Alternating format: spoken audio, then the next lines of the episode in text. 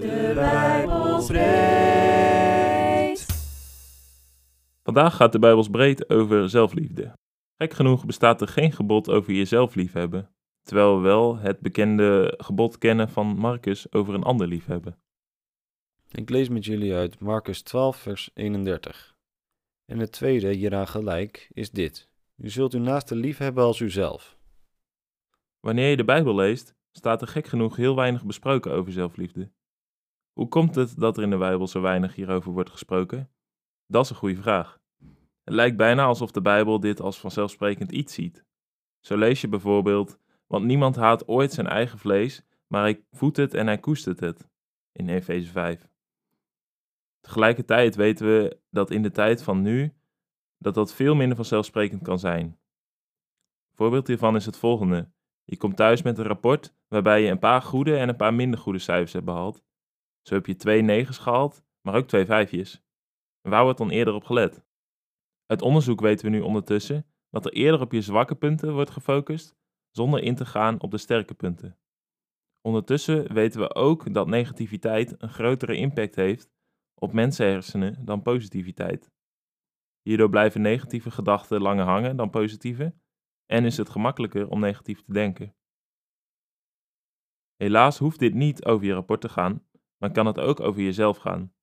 En dit kan grote gevolgen hebben. Negatief zelfbeeld kan leiden tot een minderwaardigheidscomplex, het oplichtersyndroom en zelfs depressies. Gelukkig weten we dat we door God ons als een parel in zijn hand mogen voelen en dat we ons gewaardeerd mogen voelen door God.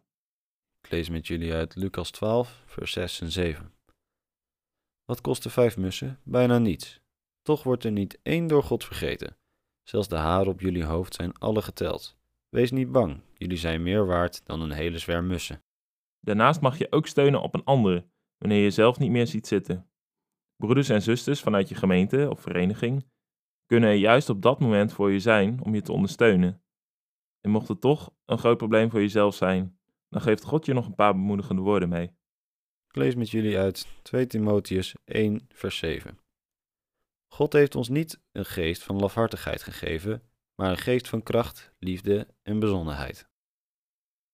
Deze tekst betekent echter niet dat je je te makkelijk van jezelf moet gaan houden. Er zijn namelijk bijna altijd twee uitersten bij de gulden middenweg, zoals benoemde Aristoteles. Er bestaat bijvoorbeeld zelfhaat aan de ene kant, maar aan de andere kant staat ook narcisme. Hierbij wordt het gevaar dat je jezelf boven de ander gaat stellen en de ander minder vindt dan jezelf. Daarnaast kan het makkelijker worden om jezelf dan te vergeven, omdat je jezelf dan toch al waard zou vinden. Hierin is het dan belangrijk om niet door te slaan in jezelf te vergeven, maar erkennen wanneer je een fout hebt gemaakt. Denk er eens over na. Heb jij een goed beeld over jezelf? Waarom wel of niet? Hoe zou God je zien, vergeleken bij hoe je jezelf ziet?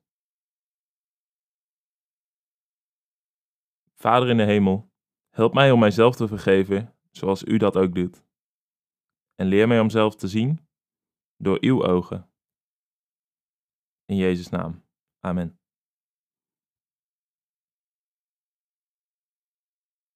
Deze podcast werd mede mogelijk gemaakt door